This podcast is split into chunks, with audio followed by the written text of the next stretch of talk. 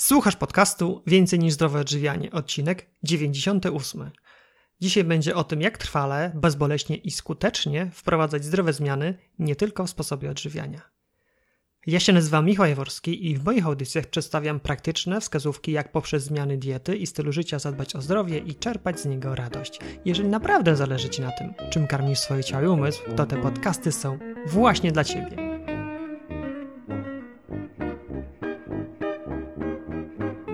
Cześć! Witam Cię bardzo gorąco w ostatnim przedwakacyjnym podcaście. Gdy Ty go słuchasz, ja już myślami, a może nawet fizycznie, to zależy kiedy go będziesz słuchać, jestem już na długo oczekiwanych i zasłużonych wakacjach. Ale zanim się tam udałem, postanowiłem na wakacje zostawić Was, zostawić Ciebie z bardzo ważnym i jestem pewien w 100% pomocnym wywiadem. Dlaczego tak myślę? Dlatego, że wiem, że słuchacze mojego podcastu to w większości osoby, które chcą zrobić coś dobrego, coś zdrowego ze sposobem swojego odżywiania, albo nawet szerzej ze stylem swojego życia. Są tacy, którzy na razie tylko słuchają, zbierają wiedzę, porównują z innymi źródłami i, że tak powiem, zbierają się w sobie, aby zrobić ten pierwszy krok. I bardzo dobrze, sam kiedyś byłem na tym etapie. Tylko uwaga, nie bądź w tym miejscu za długo. Nie zwlekaj w nieskończoność z pierwszą zmianą do czasu, gdy będziesz w 100% gotowy, bo ten moment nigdy nie nadejdzie, a ty zostaniesz z głową pełną wiedzy, dobrych rad, których nigdy nie wdrożyłeś. Najlepszy moment na rozpoczęcie zmiany w sposobie odżywiania był wczoraj. Kolejny najlepszy moment jest właśnie dzisiaj, więc do dzieła. Ale, ale, ale, wśród moich słuchaczy mam również osoby, które już są zdecydowanie dalej które już wprowadziły zmiany w sposobie odżywiania, sposobie spędzania wolnego czasu i uprawiania aktywności fizycznej, możesz o nich przeczytać w kilku artykułach na naszym blogu. Są to fantastyczne, bardzo osobiste historie pisane przez osoby, które taką zmianę już przeszły. I teraz swoim świadectwem pokazują, że dzięki temu odniosły ogromne korzyści zdrowotne. Linki do tych artykułów zamieszczam w dodatkach do tego podcastu. Jednak wśród moich słuchaczy są też osoby, które pomimo kilku podejść do zmiany diety ciągle nie są w miejscu, gdzie chciałyby być. Bo, jak się okazuje, pomimo gotowych jadłospisów, praktycznych porad dietetyków lub dostępnych na zamówienie dietetycznych cateringów, trwałe wprowadzenie zdrowych nawyków, zdrowych zmian, trwałe, czyli takie, które zostanie z nami na co najmniej kilka lat, wcale nie jest łatwe. Może być tak, że chodzisz od dietetyka do dietetyka, stosujesz się do ich zaleceń, albo nawet zamawiasz gotowe diety pudełkowe i nic podejmujesz działanie w celu zmiany nawyków żywieniowych, bo wyraźnie czujesz, że to, co robisz, to jak się teraz odżywiasz, nie służy Twojemu zdrowiu. Robisz jeden krok, drugi, trzeci, potem zaliczasz wpadkę i poddajesz się. Wtedy gorsze samopoczucie powraca, a z trudem stracone nadmiarowe kilogramy, gdy ktoś akurat się odchudzał, też wracają. A ty nadal nie wiesz, jak zrobić, aby czuć się lepiej. Co zrobić, aby na dłużej utrzymać początkową motywację i nie zniechęcać się po pierwszych wpadkach, po pierwszych trudnościach. Jeżeli jesteś jedną z takich osób, to ten podcast jest właśnie dla Ciebie. Znajdziesz w nim informacje, konkretne wskazówki, konkretny plan, jak krok po kroku przejść przez zmianę i nie dać się zwieść trudnościom, które zawsze, powtarzam, zawsze się na naszej drodze prędzej czy później pojawiają. No właśnie, dlaczego samodzielne zmiany lub nawet pomoc dietetyka nie zawsze wystarczają? W jakich sytuacjach i dlaczego trzeba sięgnąć po wiedzę wykraczającą poza dietetykę? Zapraszam Was do wysłuchania podcastu z dietetyczką i psychodietetyczką Tatianą Jaworską, która jest moją żoną, a ja jestem największym szczęściarzem, bo jestem jej mężem. Zdecydowanie za rzadko ją falę, za co biję się teraz w pierś. Za rzadko, bo to, co robi ze swoimi klientami i z uczestnikami kursów internetowych, metamorfoza, którą pomaga im przejść, jest wprost niesamowita. Zapraszam serdecznie. Cześć Tatiana. Cześć Michale.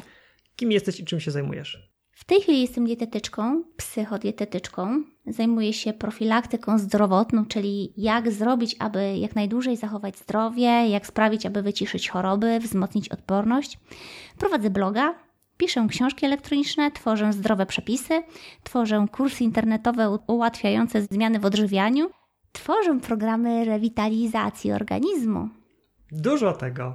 Tak, a to, co na koniec zostawiłam, co jest najważniejsze, to jestem żoną świetnego faceta i mamą trójki fantastycznych dzieci. No, gratuluję. Udane życie zawodowe i prywatne.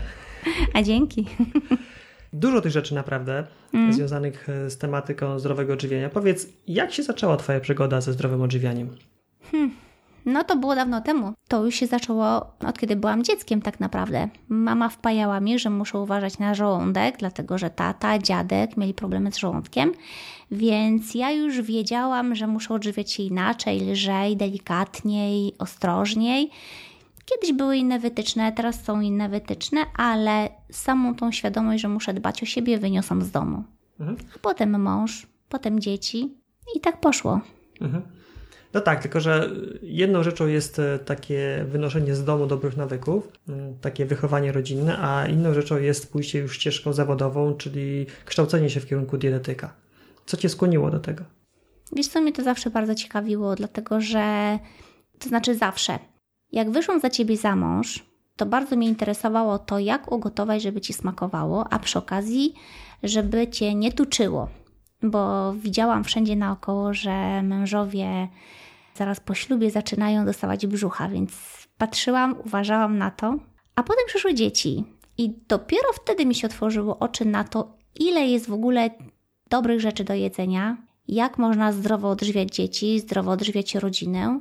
I to doprowadziło mnie do momentu takiego, że tak naprawdę postanowiłam się tym zająć później, jak już się maluszek urodził i wiedziałam, że znowu startujemy od nowa z tym wdrażaniem zupek. Stwierdziłam, że to jest chyba jednak moja droga, żeby zająć się tą dietetyką. Mhm. I tak zrobiłaś dyplom dietetyka. Dietetyczki. Dietetyczki. Ponieważ nadal jestem kobietą. Tak. Natomiast e, z tego co wiem, to, to ci nie wystarczyło, bo stwierdziłaś, że chcesz się dalej rozwijać i poszłaś na studia psychodietetyki. Czemu dyplom dietetyka nie był wystarczający? No właśnie, to zadziwiające. Wydawało mi się, że aby dobrze pomagać ludziom, wystarczy mi dyplom dietetyczki, dlatego że wiedza swoją drogą, ale to, co wystarcza, aby pomóc tym osobom, które potrzebują tej pomocy, aby pomóc im zmienić odżywianie, dlatego że nie uwierzysz, ale większość osób wie, jak się zdrowo odżywiać, tylko tego nie robią. I przekonałam się o tym później, jak zrobiłam ten dyplom. Wydawało mi się, że już jestem w stanie komuś pomóc, no i oczywiście pomagałam, ale okazało się, że, że nie, że tak naprawdę potrzebne jest jeszcze takie podejście psychologiczne, aby nie tylko dać wytyczne, ale zrozumieć tego człowieka i pomóc mu, pomóc mu wdrożyć te zmiany, bo to nie jest taka techniczna rzecz. Mhm. Tak jak mówisz, większość ludzi bądź to z, wyniesione z domu, bądź e, z jakichś mediów, bądź po prostu przez skórę czuje, co jest zdrowe, a co nie, ale rzeczywiście przeniesienie tej wiedzy z teorii do praktyki, no to to już jest e, zupełnie inny temat.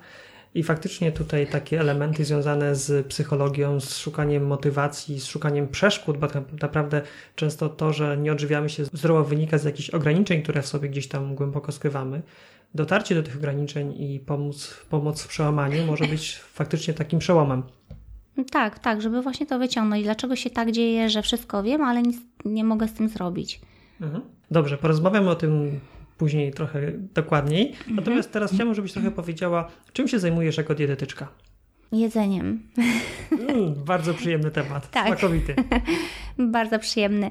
No słuchaj, wiesz co, na przykład z, z trudno nazwać pacjentami, dlatego że ja nie jestem dietetyczką kliniczną, więc nie mam pacjentów, mam klientów. Jest dużo pracy do zrobienia w, w obrębie tego i na przykład omawiamy grupy produktów działających prozdrowotnie. Dla nas to są już podstawowe rzeczy, ale można sobie wyobrazić, że osoby, które wkraczają na tą drogę, to jeszcze nie wiedzą, jak dużo dobrych rzeczy można zjeść. Lubię to z nimi omawiać, bo szeroko oczy się otwierają, w jaki sposób mogą sobie pomóc. To, co mają w szafkach, zmieniamy na zdrowe odpowiedniki. Układamy wspólnie przykładowy jadłospis.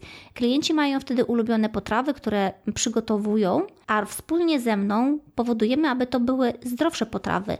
I nie wiem, może taki mały przykład byś chciał? No, poproszę. No powiedzmy, że klientka lubi ziemniaki i lubi smażone mięso. To takie dość typowe. I robimy wspólnie z tego pieczone ziemniaki kary z warzywami, a na inny obiad robimy mięso ugotowane w sosie do kaszy jęczmiennej. I są wszystkie ulubione potrawy, ale podzielone na, na dwie różne, żeby nie łączyć ziemniaków z mięsem, bo mhm. to najczęściej nie służy. Mhm. A to takie ciekawe podejście, bo trudno jest zmienić odżywianie, jeżeli dostajemy zupełnie nowe przepisy. No, na przykład jaja przepiórcze. Smaki. No właśnie. Dużo łatwiej jest rzeczywiście wdrożyć te zmiany poprzez modyfikację naszych ulubionych potraw. Mhm, tak, i właśnie pomagam tym moim, no nie wiem, czytelniczkom to zmienić. Tak żeby to było bez żalu. I też to jest fantastyczne, kiedy otwierają oczy, jak na przykład mogą zjeść kaszę gryczaną z sosem z pieczarkami i to im smakuje. Mhm. I to takie proste. I to warto teraz wspomnieć, bo to, czym się zajmujesz, to nie jest e, układanie diety na tydzień czy dwa, tylko to jest pomoc w tak. zmianie stylu życia już tak na zawsze. Tak, na bo zawsze. To, teoretycznie dietę jestem w stanie ułożyć i, i, i mogę to ułożyć i układam, ale nie lubię tak do, tak do końca tego rozwiązania, dlatego że mam takie poczucie, że ta osoba, która tę dietę ode mnie kupiła, jak ją skończy, to co dalej zrobi? I dlatego ja wolę skupić się na nauce, na edukacji. O, może tak, edukacji ży żywieniowej. Mhm.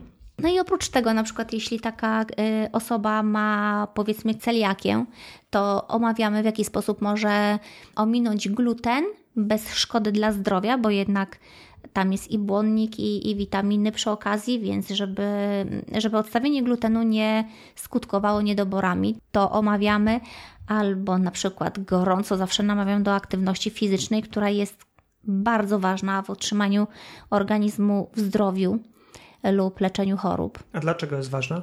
Słuchaj, kręgosłup traci elastyczność z czasem aktywność fizyczna pozwala na to, aby on był nadal elastyczny, aby nie bolał wtedy, kiedy nie powinien jeszcze boleć. Chodzi o to, żeby stawy nie zastygały, chodzi o to, żeby była większa podaż tlenu, e, do tego jest lepsza praca jelit, do tego zwiększa się przepływ krwi i dzięki czemu ona transportuje szybciej składniki do komórek. No i cóż, no dużo tutaj nie ma co mówić, umiarkowany sport odmładza, po prostu. Ja tylko jeszcze dodam, bo ostatnio czytałem w jakiejś młodej książce o układzie limfatycznym, który nie ma pompy, która wymusza obieg limfy, a układ limfatyczny właśnie odpowiada za oczyszczanie organizmu, za mm, wydalanie tych produktów przemiany materii i właśnie aktywność fizyczna, ruch mięśni powoduje, że te naczynia się tam zwężają, rozszerzają i ta limfa, limfa płynie szybciej i lepiej nas oczyszcza. No właśnie, oczyszcza i odżywia wszystko, tak, przy mhm. okazji. No, a przy okazji rozmawiamy o tym, skąd mogą powstawać niedobory, dlatego że bardzo często pacjentki, klientki mają niedobory i na przykład taka ciekawostka, nie wiem czy Ci mówiłam, witaminy z grupy B bardzo często jest niedobór, dlatego że Polacy spożywają tak dużo witaminy C, że, że mają niedobory witaminy B, ponieważ witamina C upośledza wchłanianie witamin z grupy B. Hmm. Tego nie wiedziałam. No właśnie, taka ciekawostka. I, I może się okazać, że a to wypadają włosy, a paznokcie się łamią, a, a są zawroty głowy. I na przykład, nie wiem, są też takie klientki, które przeszły na dietę wegańską, ale no z jakiegoś powodu okazało się, że nie wiedziały o tym, że B12 trzeba przy okazji przyjmować. Rozmawiamy też o witaminie D3, rozmawiamy o kwasach omega, które są bardzo ważne w profilaktyce zdrowotnej, działają przeciwzapalnie, tak? A mamy ich dość mało, dlatego że trzeba by było zjadać dwie tłuste, znaczy dwie porcje tłustych ryb w tygodniu, żeby mieć to na wysokim poziomie, a mało kto tak robi ale do tego można omówić również, mm, znaczy omawiamy, tak, e, roślinne źródła omega-3, aby nie musiała to być tylko ryba, także takie różne właśnie ciekawostki mhm. sobie opowiadamy. Dobrze. A teraz przejdźmy do tego drugiego etapu Twojej kariery zawodowej, czyli bycia psychodietetyczką. Jaka jest rola? Dlaczego psychodietetyk jest w stanie pomóc pacjentowi nie wiem, czy to się zaraz okaże, czy skutecznie, ale to w trochę innym obszarze. Na czym ta inność polega i jak to się przekłada na skuteczność wdrażania zmian w zdrowym odżywianiu? Bo widzisz, Michale, jak się okazuje, to stosowanie przeróżnych diet rzadko działa w dłuższej perspektywie czasowej. Czy ty wiedziałeś, że aby móc powiedzieć, że wyrobiliśmy sobie nawyk sięgania po warzywa, musi minąć aż dwa lata? Naprawdę? Aż dwa lata? Aż dwa lata. Tak sobie wyobraź. Czy jesteś w stanie sobie ty przypomnieć? Kiedy zacząłeś nawykowo sięgać po warzywa, czyli nie po chleb na kolację, bo nawet jak już zwiększyliśmy ilość warzyw w diecie, to kiedy przestaliśmy sięgać nawykowo po chleb? To moim zdaniem nie było po 3-4 tygodniach. No nie, rzeczywiście. I, I, to nawet, nawet teraz czasem po ten chleb sięgamy, chociaż to już bardzo sporadycznie i raczej jako dodatek do sałaty. Tak, bo teraz to lubimy. Natomiast chodzi mi bardziej o to, że jak jesteśmy w sklepie i zgłodniejemy, to po co sobie sięgamy na przykład z półki sklepowej? Orzeszki. Właśnie, po na przykład migdały. A jest wiele osób, które pierwsze co sięgało po batonika i dopiero po jakichś dwóch latach mniej więcej przestają sięgać właśnie po takie smakołyki i są w stanie iść do półki i złapać za migdały. Były robione badania, gdzie ludziom wytłumaczono, że warzywa są zdrowe i żeby zwiększyli ich udział w diecie. I była druga grupa, która została nauczona metody planowania, jak to zrobić, żeby się udało. O tym potem Ci powiem, bo pewnie mnie o to zapytasz, ale chcę powiedzieć o tym badaniach, że te dwie grupy sprawdzono po 6 miesiącach i one jeszcze się trzymały mniej więcej na podobnym poziomie. Po roku jeszcze było na podobnym poziomie, ale po dwóch latach to tylko ta grupa, która była nauczona metody, utrzymywała mm, spożycie warzyw na wysokim poziomie, a grupa kontrolna, która tylko wiedziała, że warzywa są zdrowe, wróciła do poprzednich nawyków. No, ciut więcej tych warzyw spożywała, ale tak naprawdę to e, ja bym porównała to do jednej marchewki dziennie więcej. Jednak nie udało się grupie kontrolnej, mimo że jeszcze po roku spożywali dużą ilość warzyw, po dwóch latach już nie. Teraz mi się to układa w całość rzeczywiście, bo zacząć e, zdrowość odżywiać można, bo ma się jakąś motywację, jakieś, tak. jakąś wiedzę, jakąś chęć zrzucenia brzucha, czy jakąkolwiek mhm. inną, ale żeby robić to trwale i przez wiele lat, no to to już potrzeba takiej głębszej pracy. Tak, zobacz ile razy osoby po jakiejś chorobie poważnej wiedzą jak się mają odżywiać, ale jak tylko poczują się lepiej, od razu zaczynają wracać do złych nawyków, bo powiedzmy rekonwalescencja nie trwała więcej niż e, dwa lata, w związku z czym nie zdążyli sobie wyrobić tych nawyków. Mhm. No dobrze, ale to teraz jeszcze wrócę do, do tego pierwszego mojego pytania, bo chyba nie do końca odpowiedziałaś. W jaki sposób psychodietetyka pomaga trwale zmienić odżywianie? Bo nawyki, Michał, są jak tory w mózgu.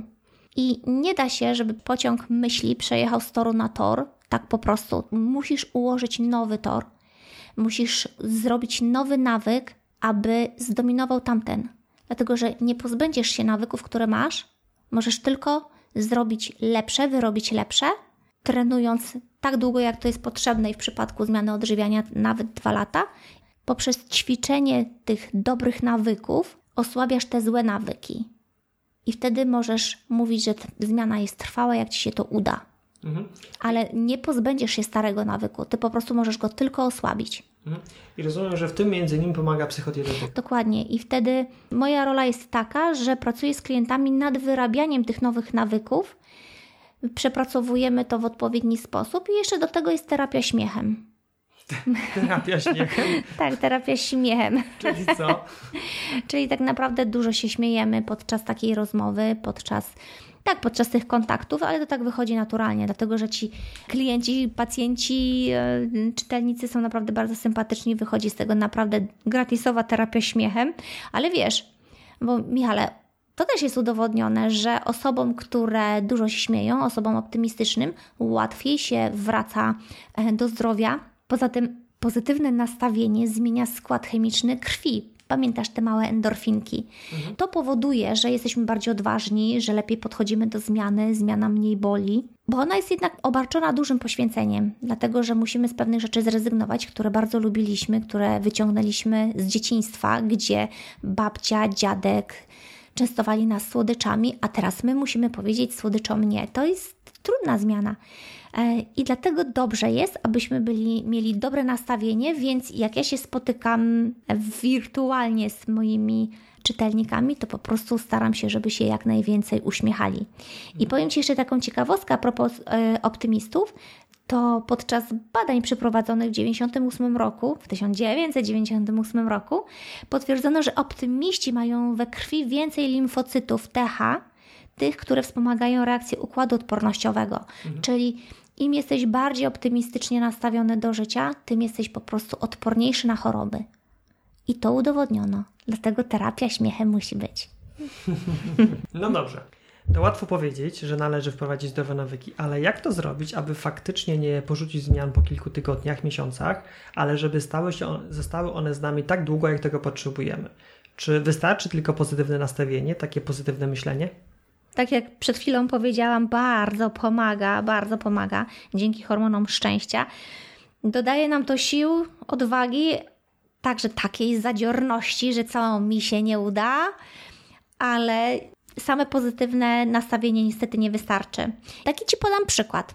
Od jutra jem więcej warzyw. Takie postanowienie. Takie postanowienie. Masz, że od jutra jesz więcej warzyw. Wstajesz jutro i co? Powiedzmy, że masz jakieś pomidory, to zjesz ich więcej do śniadania, ale co dalej? Trzeba by było jakiś obiad zmontować, jakąś przekąskę, jakiś podwieczorek i już pod koniec dnia stwierdzasz, że jedzenie warzyw po prostu jest nie dla ciebie. Czyli to jest nasze pozytywne nastawienie. Na, dobrze się nastawiliśmy i wstajemy rano z pełni energii i że będziemy zdobywać świat i się okazuje, że no, że pod wieczór już nie dajemy rady po prostu. Tak, że jak napotykamy pierwsze przeszkody, no to, to nasze pozytywne nastawienie trochę słabnie. Tak, tak, że nie wystarczy, że sobie wyobrazisz siebie jedzącego warzywa. Tutaj trzeba jeszcze włożyć jakąś pracę. Mhm. No i bardzo często dla wielu osób to jest bardzo dużo pracy, bo jak na przykład ktoś jadał tylko fast foody, a teraz ma zacząć jeść warzywa, no to wyobraź sobie, jaki to jest koszt energetyczny. Musisz odmienić wszystko. Ale co masz na myśli koszt energetyczny? Chodzi o to, że myślenie kosztuje naszą energię i im więcej musimy myśleć, tym bardziej się wyczerpujemy. Mhm. Spotkałem się z taką analogią e, mięsień siły woli. A. Ten mięsień ma jakąś e, swoją energię i tą siłą woli jesteśmy w stanie pewne rzeczy pokonywać, natomiast im więcej razy on musi, jest używany, no to pod koniec dnia, no to po prostu on już jest zmęczony i może być tak, że po prostu wejdziemy do tego sklepu i zamiast orzeszków chwycimy batona. No tak, bo orzeszki jeszcze trzeba pogryźć, a baton po prostu się rozpuści w ustach, więc wszyscy to lubią, tak? No i to, to, tu trzeba troszeczkę zawalczyć.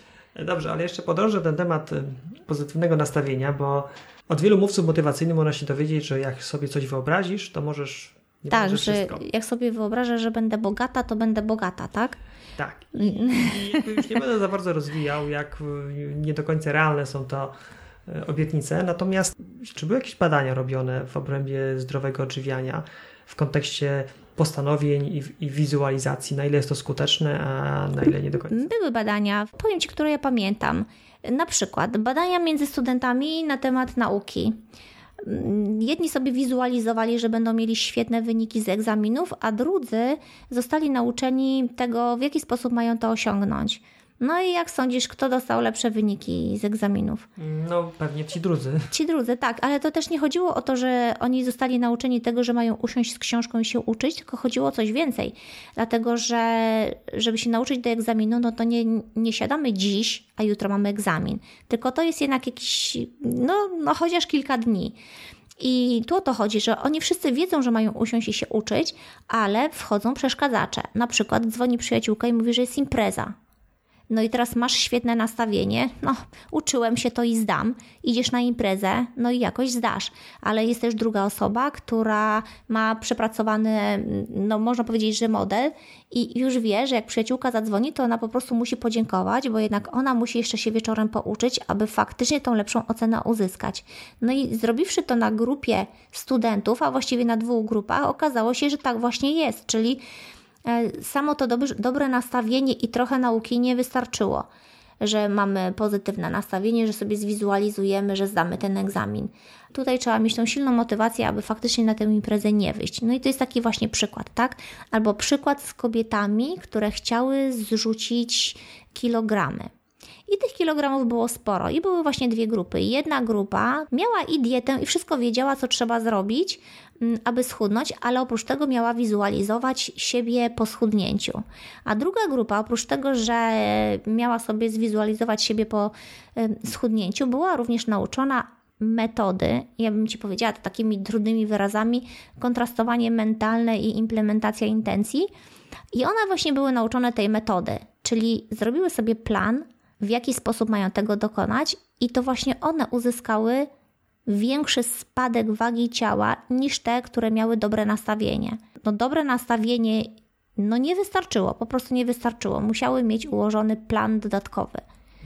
Zaraz Cię odpytam o tę metodę kontrastowania mentalnym, tylko jeszcze jeden taki, taki komentarz mi przyszedł do głowy, jak opowiadałaś o tym, dlaczego samo dobre nastawienie nie wystarczy, bo jest pewna grupa osób lub pewna grupa działań, na które chcemy osiągnąć, że gdy wyobrazimy sobie, że już to osiągnęliśmy, bo generalnie na tym to polega, to w niektórych przypadkach nasza motywacja do zrobienia tego paradoksalnie opada, bo nasz umysł wyobraził sobie, że już to osiągnęliśmy. Dokładnie. On już tak naprawdę dostał nagrodę. on już dostał nagrodę. Tak, to jest też pułapka. To jest też bardzo duża pułapka, bo czasem jest tak, że na przykład chcesz iść załatwić jakąś sprawę, więc się do tego przygotowujesz. I myślisz o tym, myślisz, w jaki sposób ty będziesz rozmawiał. I tak często myślisz, w jaki sposób będziesz rozmawiał, że jak idziesz na tę rozmowę, to już jesteś tak zmęczony tym rozmawianiem, które wykonałeś wcześniej, że pójdzie ci gorzej niż chciałeś. Mhm. Czyli tak jakby ten trening był już za długi, już, za, już mózg się za bardzo zmęczył. I moim zdaniem to jest właśnie to. Po prostu jeśli za dużo wizualizujemy, za dużo o czymś mówimy albo myślimy, to tak jakbyśmy wykonali zadanie. No i badania to potwierdzają. Mhm. Dobrze, to przejdźmy teraz do tego modelu wizualizacji. Jak to było? Kontrastowanie mentalne w połączeniu z implementacją intencji. Dobrze. Bardzo ładnie powiedziane. Co to jest za model i do czego on służy? Tak, on, on ja Ci powiem tak. Model wypracowała Gabrielle Ettingen. Ona jest psycholożką właśnie na tym kontrastowaniu mentalnym i implementacji intencji, tylko po to jest zrobiony mm, skrót do tego, aby łatwiej było po prostu normalnemu człowiekowi sięgnąć po książkę i ten model wdrożyć, bo jakby napisać w tytule model o kontrastowania mentalnego i implementacji intencji, wdrożyć zmiany w odżywianiu, no to kto by po taką książkę sięgnął? Brzmi jak tytuł pracy doktorskiej. No właśnie i dlatego mamy taki ciekawy tytuł WHOOP. I to jest metoda łup. Mhm. Nie wiem, czy to słychać, ale no to jest tak, jakby ktoś łupnął na podłogę. A to jest po prostu skrót od angielskich słów wish, outcome, obstacle i plan. I to oznacza życzenie, wynik, przeszkoda, plan. Bo Gabrielle Ettingen jest psycholożką, która mówi, że trzeba otwarcie mówić o wszystkich przeszkodach. Czyli zobacz, normalnie jak mówi ktoś o przeszkodach, to o, niesie ich defetyzmu, och, jakie ty masz złe nastawienie, och, więcej pozytywnego nastawienia. No nikt nie może mówić o przeszkodach. A ona mówi, że właśnie trzeba mówić o przeszkodach. Tylko oczywiście nie, nie chodzi tutaj o to, żebyśmy tylko mówili, co nam przeszkadza w życiu, ale coś z tym zrobili. To, co powiedziałam wcześniej, to są właśnie dowody na to, że ta metoda działa i to do mnie przemawia, bo my, Michale, właśnie w ten sposób pracujemy. Jak mamy coś zrobić, rozpisujemy sobie na kartce, co trzeba zrobić, aby to się udało. Mhm. Dobrze, czyli mamy te cztery kroki: życzenie, wynik, przeszkoda i plan. Tak, to pewnie chciałbyś, żebym Ci jakiś przykład dała.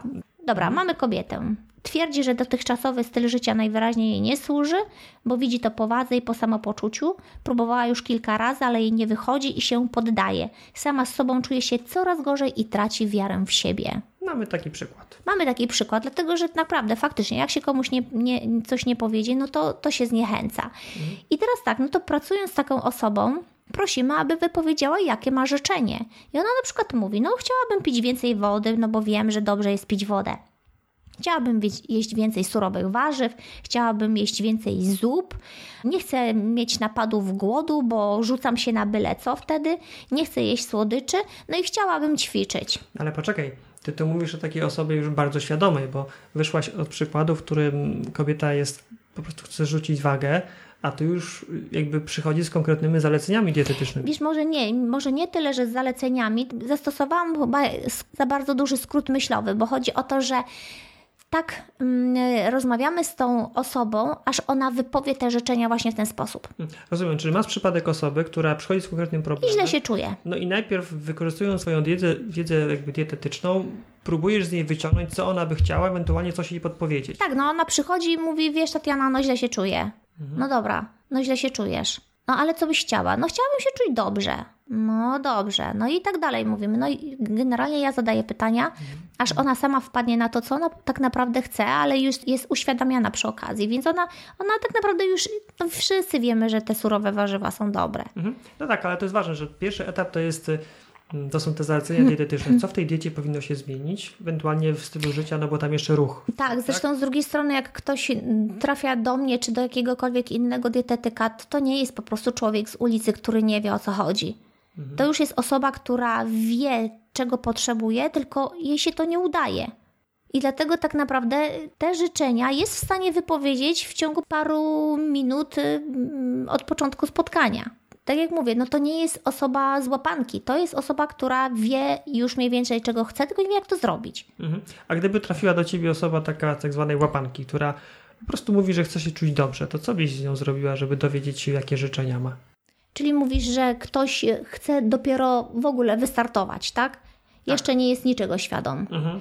No dobrze, no to słuchaj, to tutaj to najpierw musimy porozmawiać o tym w ogóle, w jaki sposób się ta osoba odżywia, w jaki sposób się nawadnia, co można by było w produktach, które ma w domu, wymienić na zdrowsze wersje. Przy okazji, oczywiście, rozmawiamy o tym, czy ma jakieś choroby przewlekłe, e, żeby wiedzieć, jak postępować z taką osobą.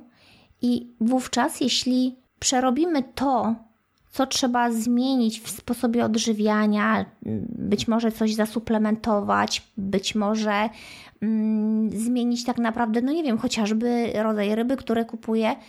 To są pewne podstawowe rzeczy, które można zmienić i one są no jeszcze do tego momentu dość proste, a później przerabiamy z nią model łup po to, żeby po skończonej rozmowie tak naprawdę nie została z informacją, że wszystko musi wymienić, tylko ma wiedzieć, w jaki sposób to zrobić. Jak krok po kroku poradzić sobie z tym, żeby, żeby tak naprawdę to zrobić. Mhm. To wróćmy teraz do tej Twojej pacjentki, która chce wprowadzić te zmiany w diecie. Tak, która już próbowała kilka razy, tak, i, i, i jednak y, się poddawała, nie udawało Jak teraz się. model WUP może jej w tym pomóc? No właśnie, czyli o życzeniu już powiedzieliśmy, tak? Może przypomnijmy, jak przypomnijmy. Tak, ona sobie życzy, żeby pić więcej wody, jeść więcej surowych warzyw, więcej zup, bo też tam jest mnóstwo warzyw. Nie chce mieć napadów głodu, nie chce jeść słodyczy i chce ćwiczyć. Wspaniałe życzenia. Wspaniałe życzenia i tak wydaje się, że nawet nie takie trudne. No to tak po ustaleniu życzenia ona sobie musi zwizualizować wynik, czyli co ona chce w ten sposób osiągnąć. No i na przykład, no to wiadomo, chce mieć świetne samopoczucie, chce zwiększyć wydolność oddechową, tak, że jak idzie po schodach, to się nie zasapie. No oczywiście chce, żeby jej spadła waga i tak naprawdę ona chce po prostu podróżować, dlatego że teraz z coraz większą wagą jest coraz trudniej jej podróżować, a lubi chodzić po górach. A zwizualizować, czyli co? Czyli ona sobie wyobraża już siebie jako osobę, na przykład na Giewoncie. A wiedziała, że ostatnio nie była w stanie tego zrobić, bo bolały ją kolana i bolały ją plecy. Więc ona sobie teraz wizualizuje, że jest w stanie to zrobić. Mamy wyobraźnię nieograniczoną, możemy sobie zwizualizować, co tylko zechcemy, ale potem Ale poczekaj, to na tym etapie jesteśmy na tym, na tym pozytywnym myśleniu, które tak trochę wcześniej skrytykowaliśmy. Czy na razie pozytywnie myślimy, Tak. że nam się udało? Tak, bo, te, bo ta wizualizacja jest potrzebna. Właśnie o to chodzi, że ten wynik musimy sobie zwizualizować. Tylko tak jak Ci wcześniej mówiłam, nie możemy wizualizować za długo. Czyli nie mówimy o pracy, a pracujemy. Czyli najpierw musimy pomyśleć, co my chcemy, następnie przystąpić do działania, żeby nie myśleć za dużo o tym, co chcemy. Okej, czyli nasze zadanie ma się nie zakończyć na pozytywnej wizualizacji, tylko Dokładnie. są kolejne etapy. Tak, dlatego że to, to naprawdę może tak być. Czyli zobacz, jest pacjentka rozmawia ze mną i mówimy o tym, że jak zmienisz sposób odżywiania, to będzie się świetnie czuła. No i ona wychodzi taka naładowana energią i no o świetnie, będę zmieniać odżywianie, będę jadła więcej warzyw, będę piła więcej wody, będę się świetnie czuła. No i to świetnie zadziała. Ona jutro, pojutrze, po pojutrze będzie się świetnie odżywiać, ale wiesz, no życie. Dziecko zachoruje, mąż przyjedzie zły, no też mu się, może mu się zdarzyć, coś się nie uda. No i co? No batonik mnie pocieszy. Więc łatwo jest po prostu ulec, jeśli mamy tylko tę przyjemną wizualizację, no wiemy, że będzie fajnie, jak będziemy odchudzone, albo, albo na przykład y, mm, zwiększymy wagę, bo przecież i takie są osoby, które chcą zwiększyć wagę, tak? Na przykład tak jak ja. Więc y, też sobie zawsze wizualizuję, że jestem tęższa. Jako... Nawet wprowadzam to w czyn, ale jakoś mi nie wychodzi. no ale dobrze. Że nie jedna słuchaczka teraz ci zazdrości tego problemu. Tak, no, no dobrze. No w każdym razie mm, tak możemy być dobrze naładowani, no ale, ale co dalej? No, Dobrze, i to jest ten pierwszy etap. Tak. Pozytywna wizualizacja, natomiast na tym podejście łup się nie kończy. Co jest dalej? no i teraz ja zadaję takiej osobie pytanie, no dobra, ale co Ci w tym przeszkadza? Albo w jaki sposób chciałabyś tego dokonać? Albo kiedy będzie najlepszy czas? Po prostu zadaję pytania o przeszkody i ona zaczyna mówić, No bo tak, no bo to faktycznie nie jest takie proste i mówi na przykład, no bo wiesz, bo ja nie lubię wody, bo ona jest zimna, ona jest niesmaczna. A rano nie mam czasu robić śniadania, bo, no bo wiesz, no bo muszę ubrać dzieciaka, muszę ubrać siebie, stoję przed tą szafą, nie wiem, co mam na siebie włożyć, tracę tylko na to czas. Mam zły nastrój często, bo dziecko choruje. I wtedy, no cóż, no, nie idzie do przedszkola, ja siedzę w domu z nim, no zła jestem i tyle. A sport, no, no jaki sport? No przecież mam małe dziecko, kiedy mam uprawiać sport? No życie, tak? Czyli mówicie o przeszkodach. Tak, i ona po prostu to jest moment, kiedy może ponarzekać i powiedzieć, jakie ma przeszkody, bo to są normalne przeszkody, jak każdego z nas. Jeździmy do pracy, no, no mało tego czasu w życiu jest, a jeszcze byśmy chciały, nie wiem, no obejrzeć film z mężem, e, spotkać się z przyjaciółmi, no to mhm. kiedy to wszystko, tak? To są jej przeszkody i wypisuje tyle przeszkód, ile się da. I pewnie byś chciał wiedzieć, co dalej, jak już sobie ponarzekamy. Tak. Co dalej? No i wtedy przystępujemy do ułożenia planu działania. I w tym planie taka osoba rozpisuje sposoby na pokonanie tych przeszkód. I jak ja przystępuję do pracy z taką osobą, to jakby niczego nie proponuję. Ja tylko naprowadzam, ta osoba sama układa plan. Ja y, zadaję takie pytania typu: a co jest trudnego w tej sytuacji? A co ułatwiłoby ci wdrożenie zdrowych nawyków? A co stoi ci na przeszkodzie? I ona wtedy zaczyna myśleć i kombinować, i w końcu mówi tak: No ale jakbym wstała 10 minut wcześniej, no to właściwie mogłabym te śniadanie zrobić. Potem jeszcze ją naprowadzam, w jaki sposób te ubrania załatwić z dzieckiem. No więc ubrania przygotowuję wieczorem po to, żeby rano ich nie wybierać i dla siebie, i dla dziecka. A rano to mąż ubiera dziecko i wtedy żona może poświęcić czas na zrobienie śniadania, bo wstała 10 minut wcześniej, nie musi przygotowywać ubrań, nie musi ubierać dziecka, może zrobić śniadanie. Kawę robi sobie w kubku termicznym, bierze ją na wynos i to już jej zaoszczędzi kolejne 10 minut o poranku, bo wcześniej ją piła i ten czas leciał. A jeśli chodzi o wodę, no to akurat mój pomysł autorski, żeby pić ciepłą wodę tak jakby ona była herbatą, tylko że nie jest to herbata, jest to ciepła woda. Więc taka osoba bierze po prostu ciepłą wodę w kubku termicznym też na wynos. To prawda, to są dwa kubki termiczne, ale jak się już odzwyczai od kawy, to będzie tylko jeden. I wtedy tak, w planie ma również napisane suszone owoce albo migdały, na przykład orzechy, zamiast słodyczy. I teraz myk jest taki, że to musi być zawsze w torebce. Ten bo plan czy te orzechy? Te orzechy, a plan swoją drogą. Te orzechy muszą być w torebce, dlatego że jak jesteś przy kasie i patrzysz na te batoniki i jesteś głodny, bo tak, rano odstawiasz dziecko do, do przedszkola, potem lecisz do pracy, potem wracasz z pracy, idziesz po zakupy, przed tobą jeszcze odbiór dziecka z przedszkola, jeszcze jakaś obiadokolacja. No i w końcu można się zmęczyć, więc co? No to ten batonik, tak? I jak masz w torebce migdały, nie na półce w sklepie piątej gdzieś tam 20 metrów dalej, tylko w torebce, bo jak już jesteś przy kasie i pomyślisz sobie, że masz ochotę na coś słodkiego, czyli na migdała, to nie pobiegniesz. To już wtedy nie pobiegniesz i po prostu sięgasz po batonika, bo coś ci się przecież dobrego w życiu należy wieczorem na zakupach. Więc w tej sytuacji możesz po prostu sięgnąć po orzeszki do torebki i je zjeść. I to musisz mieć napisane w planie, dlatego że jak masz tyle rzeczy do załatwienia, jeszcze w pracy trafi ci się audyt i kontrola skarbowa, to ty nie będziesz pamiętać, że ty nie możesz zjeść słodycza, ty po prostu musisz go mieć, musisz mieć te, orzeszki w torebce, żeby nie myśleć za dużo, nie kombinować, nie szukać po sklepie. Czy ja dobrze zrozumiałam, że mm, celem tego planu jest e, przygotowanie mm, osoby na każdą sytuację, która może przeszkodzić jej w realizacji tych e, swoich założeń. To też, ale nie tylko. Chodzi o to, że taka osoba, jak, jak zastanawia się, jak ma pokonać przeszkody, to znajduje tyle ciekawych rzeczy, które może zrobić w zamian, że sama się dziwi, że wpada na takie pomysły, więc wtedy, kiedy masz akcję e, zmiany na fali dobrej motywacji, to tych pomysłów tylu nie masz. A tutaj siedzisz na spokojnie i myślisz. Czy wiesz, że jak ktoś chce uprawiać sport, a nie ma na to czasu, to może po prostu zrezygnować z windy? Po prostu zrezygnować z windy i, śmigać po schodach, i to już jest jakaś forma sportu. Wiem, od kilku lat to praktykuję. No właśnie, i dlatego tak świetnie się czujesz. Owszem, tak, nie narzekam. Nie musisz mi dziękować, nie musisz, to Twoja zasługa. No, dlatego jak rozmawia ze mną, wpada na taki pomysł, że faktycznie winda. Potem, jak już zacznie chodzić po tych schodach, to dużo rzeczy się w głowie odblokuje i znajdzie czas również na sport, bo przecież można na fitness iść z dzieckiem. Można nie iść na fitness, tylko można iść na kijki, można iść na marsz szybki wtedy, kiedy dziecko jedzie obok ciebie rowerem. No różne rzeczy można zrobić, ale to trzeba przemyśleć i spisać.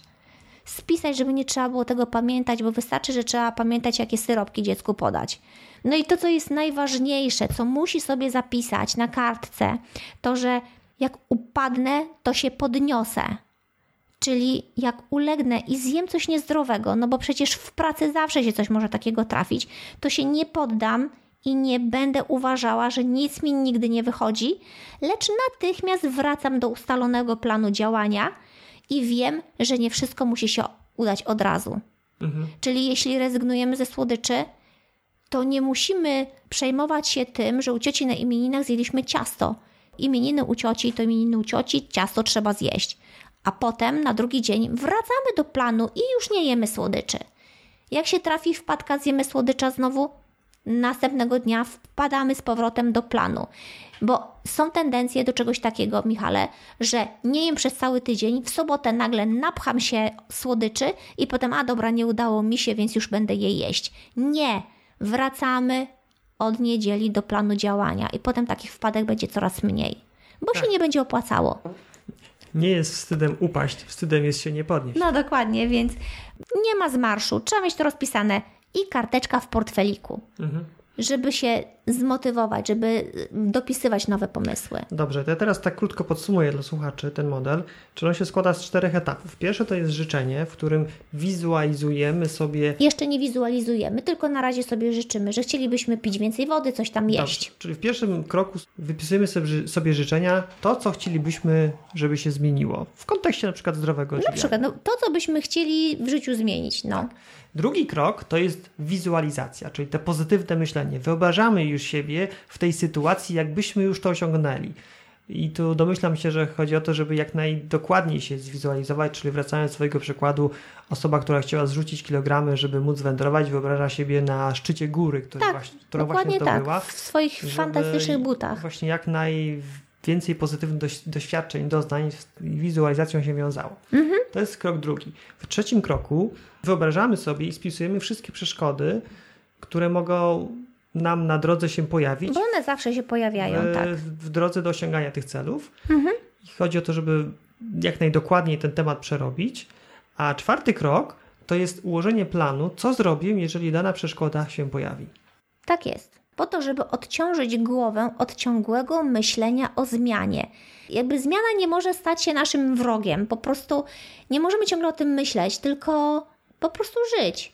Wiedzieć, że żeby zrobić zakupy, jeśli nie umiem robić zakupów w taki sposób, że idę i wybieram tylko zdrowe produkty, no to może po prostu trzeba sobie zrobić na spokojnie listę w domu i się trzymać listy, nie chodzić, nie zaglądać na inne półki, nie zastanawiać się, co mi by się jeszcze przydało, tylko po prostu lista i koniec. I to jest na przykład taka osoba, która na przykład ma problemy z, pod, z zrobieniem zakupów, wpisuje sobie w przeszkodach to, no bo wiesz, jak idę na zakupy, to kupuję jakieś głupoty, no to w planie rozpisuję Zanim pójdę na zakupy, robię listę zakupów. I trzymam się tej listy. I to brzmi banalnie, ale tak naprawdę trzeba to zrobić. Bo ludzie są różni, ludzie są bardziej silni, mniej silni. Poza tym, z drugiej strony, ludzie mają mniej problemów, inni mają więcej problemów. I mózg to jest doskonała maszyna, ale ona potrzebuje energii i ta energia się zużywa w ciągu dnia. Mhm. I wtedy jest bardzo łatwo sięgnąć po stare nawyki, przełączyć się na autopilota, a te stare nawyki bardzo często są tymi, z którymi właśnie walczymy. I dlatego musimy tę głowę no jak najmniej obciążać tą zmianą. Ja tak naprawdę jeszcze ten model pozwoliłam sobie wzbogacić o relaks, dlatego że w życiu mamy pracę, mamy obowiązki, mamy wyzwania, którym chcemy sprostać, ale potrzebujemy też radości i relaksu, dlatego że te emocje, które doświadczamy każdego dnia, po prostu się nam kumulują.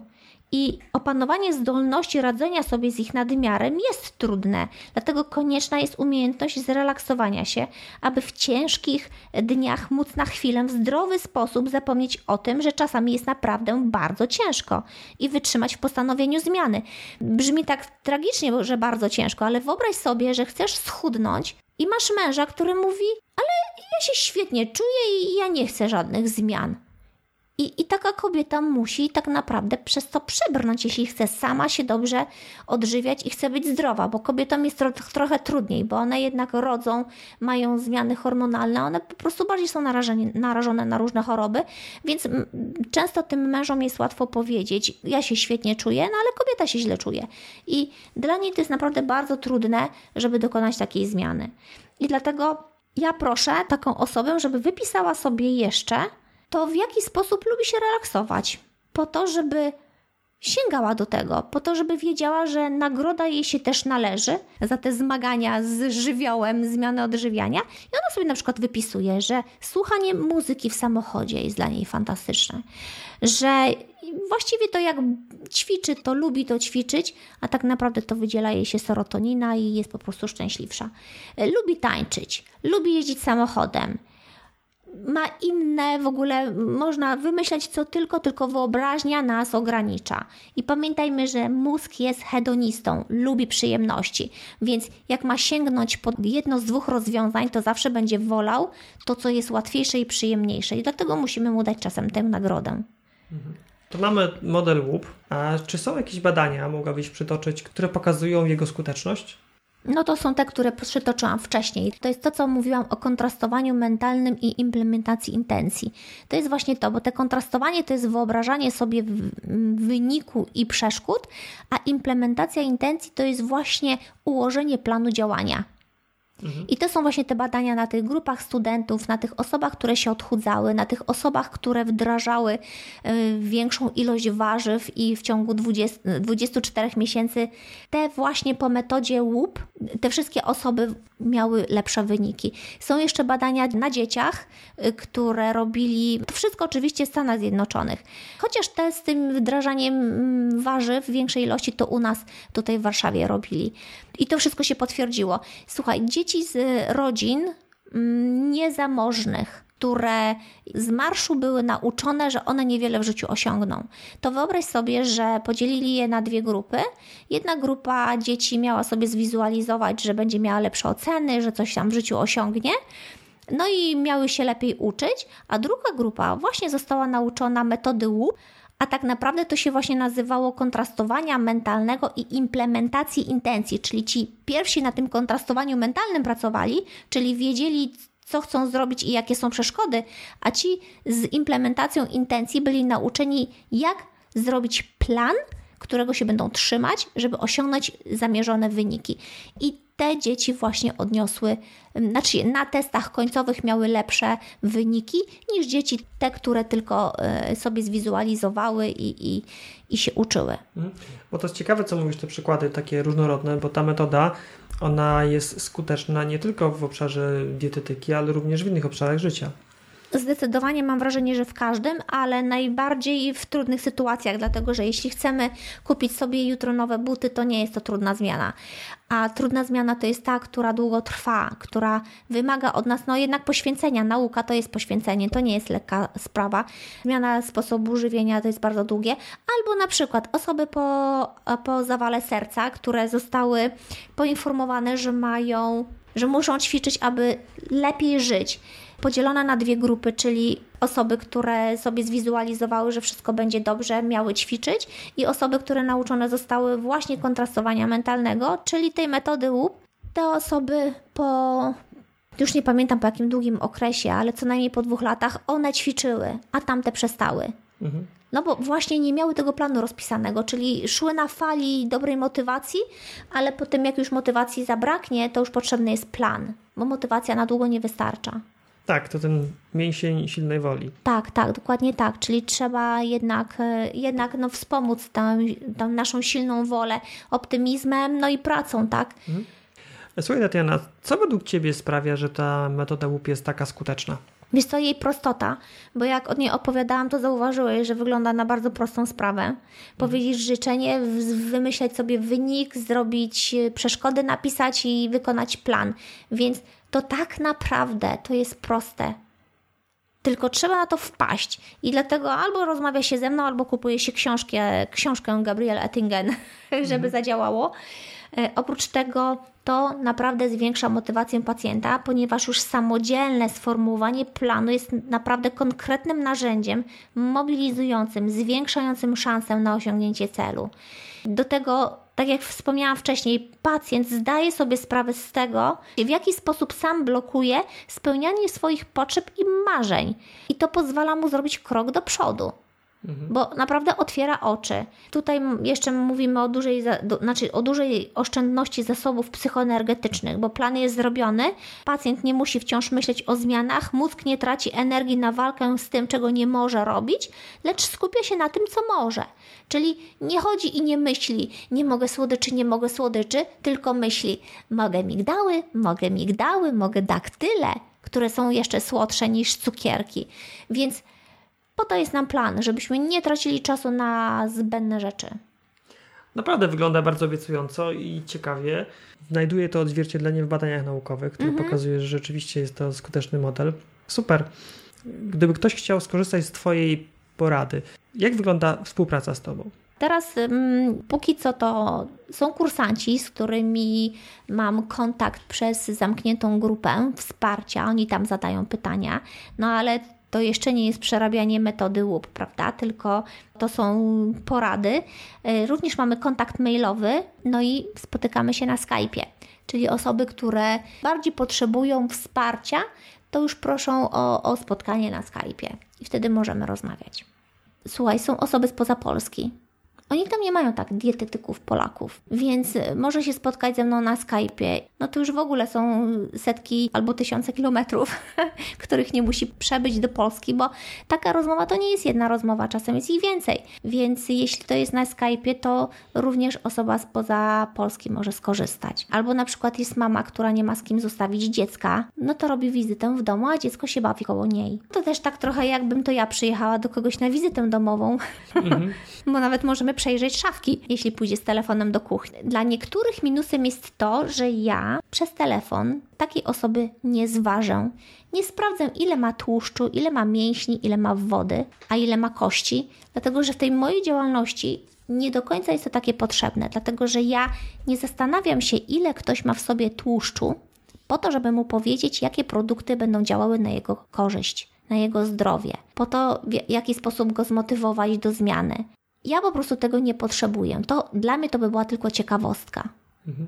Takie pomiary są dobre dla samej pacjentki, żeby kontrolować postępy ewentualne. Tak, ale pacjenci, znaczy klienci czują to w obwozie pasa, po prostu no łatwiej tak, im się zapina, tak? Się Więc oczywiście ja nie, nie mówię, że to nie jest dobra metoda, natomiast to, co ja robię, to jest bardzo dużej mierze profilaktyka zdrowotna i tu nie przychodzą do mnie osoby, które potrzebują tak naprawdę już operacji zmniejszania żołądka, więc Zresztą nawet gdyby, to i tak po co taką osobę ważyć? Przecież ona wie, że, że ma za dużą wagę, więc to się wydaje dla niektórych minusem, natomiast ja tego nie potrzebuję po prostu. Profilaktyka i tak będzie wdrażana przeze mnie. Dla kogo szczególnie Twoja pomoc może być przydatna?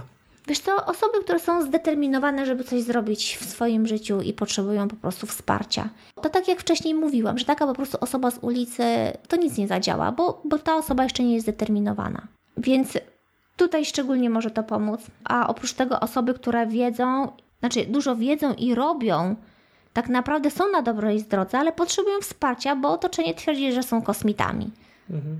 No, my tak sobie zawsze ratujemy z kursantami, bo oni się wreszcie czują, wreszcie czują się w dobrym miejscu, dlatego że rozmawiają z ludźmi, którzy myślą podobnie do nich, gdzie cała rodzina mówi, że oni się zachowują dziwnie, bo jedzą dużo zieleniny. Mhm. Więc czasem też na przykład, no tak jak Ci mówiłam, jest na przykład osoba, która jest weganką e, i chciałaby się dowiedzieć, że wszystko robi dobrze. Albo osoba, która już coś w kuchni zmieniła, ale się zastanawia, czy jeszcze coś zmienić. Mhm. Albo osoba, która wie, że już ma jakąś chorobę i, i Mhm. jak, jak troszeczkę cofnąć. A, a słuchaj, a takie osoby, które mają już dużą wiedzę, taką dietetyczną, z różnych źródeł, tak naprawdę wiedzą, jak się odżywiać, no ale próbowały kilka razy, ale jednak im się nie udało tego wdrożyć. No właśnie, no to też y, wielu osobom się udało. Ze mną. No tak, no w- w sumie ja też staram się motywować jak najbardziej. Mhm. No dobrze, a w, dla kogo w takim razie takie konsultacje nie są wskazane? Osobom, które potrzebują lekarza, czyli na przykład y, chorzy na bulimię czy anoreksję, albo osoby z wadami metabolizmu, gdzie mają na przykład jedną z tak rzadkich chorób, gdzie jest powiedzmy 15 chorych w Polsce, tak? Ja merytorycznie nie pomogę już takim osobom. One potrzebują specjalistów od, od właśnie tychże chorób. Także no to, to tak, a tak to właściwie każdemu. No dobrze. A tak, kontakt z psychodietetykiem lub dietetykiem to jest y, jedna z dróg, która jest bardzo ciekawa, ale jako alternatywę można sobie wyobrazić sytuację, że mm, decydujemy się na jedną z y, diet pudełkowych, teraz w tej chwili na rynku jest wiele firm, które są w stanie dostarczyć kompletne menu pod konkretne wymagania dietetyczne i tak naprawdę o nic się już nie martwimy, dostajemy uszytą na miarę dietę pod nasze zapotrzebowanie. No i właśnie, co sądzisz o takim rozwiązaniu? Wiesz, ona chyba nie jest uszyta na miarę. To jest po prostu wybrana dieta. Klient sobie sam po prostu wybiera, że chce na przykład bezglutenową albo na przykład normalną, tylko o kaloryczności 1500. Ona nie jest uszyta na miarę. Diety pudełkowe nie uczą odżywiania, czyli dostajesz usługę wykonaną za ciebie, ale nie uczy cię to, jak zrobić, aby się dobrze odżywiać po diecie. Jeśli chcesz na trwałe zmienić nawyki żywieniowe i chcesz po schudnięciu zachować pożądaną wagę, to potrzebujesz edukacji żywieniowej, której z pudełek nie wyniesiesz. A być do końca życia na diecie pudełkowej trochę bym się obawiała, bo chyba są tutaj jakieś ograniczenia. Tam nie ma tak naprawdę wszystkich, wszystkich produktów, które są, a warto jednak mieć bardzo rozmaiconą tą dietę. I teraz taka osoba dostaje jedzenie gotowe, no i, i, i co? No i schudł i przestaje kupować tę dietę pudełkową, bo jeśli ona na przykład kosztuje w przypadku tego kolegi 900 zł na miesiąc, 900 zł na miesiąc na jedną osobę, To już poważne koszty. Trudno się zagłębiać, jakie to są poważne koszty, no ale powiedzmy, że kogoś stać. Natomiast no to niczego nie uczy i potem wracamy do starych nawyków. No i tyle. Czyli lepiej chyba traktować ją jako taki plan awaryjny, ale w dłuższej perspektywie to jednak ta edukacja żywieniowa. Tak, to znaczy osoba, która do mnie przychodzi, tak naprawdę potrzebuje edukacji żywieniowej, a osoba, która jest na diecie pudełkowej, to chyba do dietetyka się nie zgłasza, bo tak naprawdę nie ma ochoty stanąć w kuchni i jednak czegoś przygotować, bo tutaj coś trzeba przygotować. No te parę minut trzeba poświęcić dziennie na to, żeby ten posiłek był. No i trzeba iść na zakupy też, prawda? A tak jak masz tę dietę pudełkową, to już na zakupy nie musisz chodzić. Tak, tu się z Tobą zgodzę, że ona rzeczywiście, ta dieta pudełkowa Są bardzo wygodne. fantastycznie oszczędza czas, ale niczego nie uczy i po skończeniu tej diety człowiek zostaje z tą samą wiedzą, jaką miał wcześniej. E, Słuchaj Tatiana, jakby ktoś chciał skorzystać z Twojej konsultacji, w jaki sposób może się z Tobą skontaktować? Poprzez bloga więcej niż zdrowe odżywianie piszemy adres więcej niż zdroweodżywianie.pl jednym cięgiem bez y, polskich znaków, tak, bez spacji, albo na maila tatiana.jaworska małpa.wp.pl. Rozumiem, że na blogu jest tam w jakiejś zakładce kontakt, tak? Jakiś adres. Jest, w zakładce kontakt jest. Mhm. Dobrze, ja te dane kontaktowe umieszczę w notatkach do tego podcastu, żeby słuchacze mogli do nich trafić, jak będą potrzebowali. No i tym sposobem dotarliśmy do końca przesympatycznej rozmowy. Bardzo serdecznie Ci dziękuję za to, że znalazłaś czas, żeby porozmawiać. Tak jedno najważniejsze zdanie, stwierdzenie, jeden akapit, który chciałabyś, aby został w pamięci z naszymi słuchaczami. Już martwiłam się, że tylko jedną rzecz będę mogła im powiedzieć, że mają zmienić. No więc tak, woda, woda, jeszcze raz woda, żeby płukać organizm, wypłukiwać zanieczyszczenia, żeby go nawadniać, bo woda to nasze środowisko naturalne, stamtąd wyszliśmy, czyli z ciąży. No tak, wody płodowe.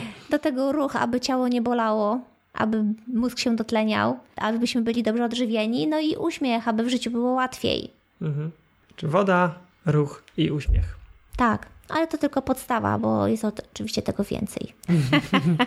ale to powiem później. Bardzo, bardzo Ci dziękuję za rozmowę. Ja również dziękuję. Cześć, Do kochanie. usłyszenia. Pa. Pa.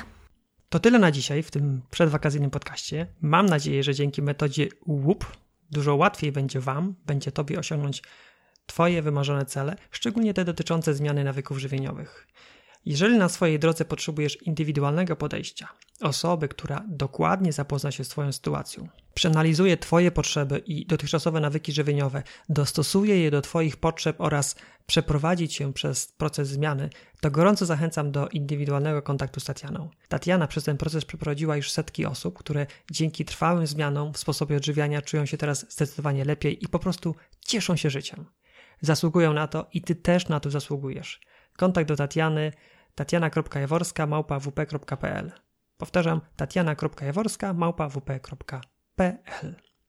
Na koniec bardzo, bardzo dziękuję za wszystkie oceny i przesympatyczne komentarze, jakie wystawiacie mojemu podcastowi w iTunes. Zupełnie niedawno Magdalena napisała Bardzo inspirujący podcast. Prowadzący jest subtelny i otwarty. Mam wrażenie, że panu prowadzącemu naprawdę zależy na ludziach, a nie tylko na tym, żeby mieć słuchaczy. Interesujący goście i tematy. Oczywiście nie wszystko do mnie przemawia, jednak jako lekarz praktyk wiem, że jesteśmy niby tacy sami, a jednak bardzo różni i każdy musi znaleźć trochę swoją drogę i swój styl, który pozwoli mu czuć się dobrze psychicznie i fizycznie. I może do tego to, co u jednych się nie sprawdza, u innych może dawać znakomite efekty. To, co ja wnoszę z tego podcastu, to ogromna siła motywacyjna do utrzymania dobrej dla mnie diety i regularnego ruchu. Podcastu słucham zawsze w samochodzie, w drodze do pracy i muszę też stwierdzić, że ma on wpływ na mój nastrój. Dzień mi się lepiej zaczyna, kiedy słucham interesujących ludzi, nieagresywnych, pełnych empatii i pozytywnej energii. Dla mnie numer jeden. Magda, bardzo, bardzo, bardzo dziękuję Ci za tę przemiłą ocenę. Nawet nie wiesz, jaką radość mi sprawiłaś tym komentarzem. Dziękuję jeszcze raz. A jeżeli Ty regularnie słuchasz mojego podcastu i tak jak u Magdy, ma on również na ciebie pozytywny wpływ i jeszcze jakimś cudem nie napisałeś, nie napisałaś opinii w iTunes, to koniecznie to zrób. Dla podcastera, dla mnie nie ma lepszej nagrody jak szczera opinia na temat tego, co robił. Bardzo dziękuję za dzisiejsze spotkanie. Życzę Wam, życzę Tobie przesympatycznych, pełnych słońca, aktywnego wypoczynku na świeżym powietrzu wakacji i do usłyszenia w kolejnym odcinku podcastu. Cześć!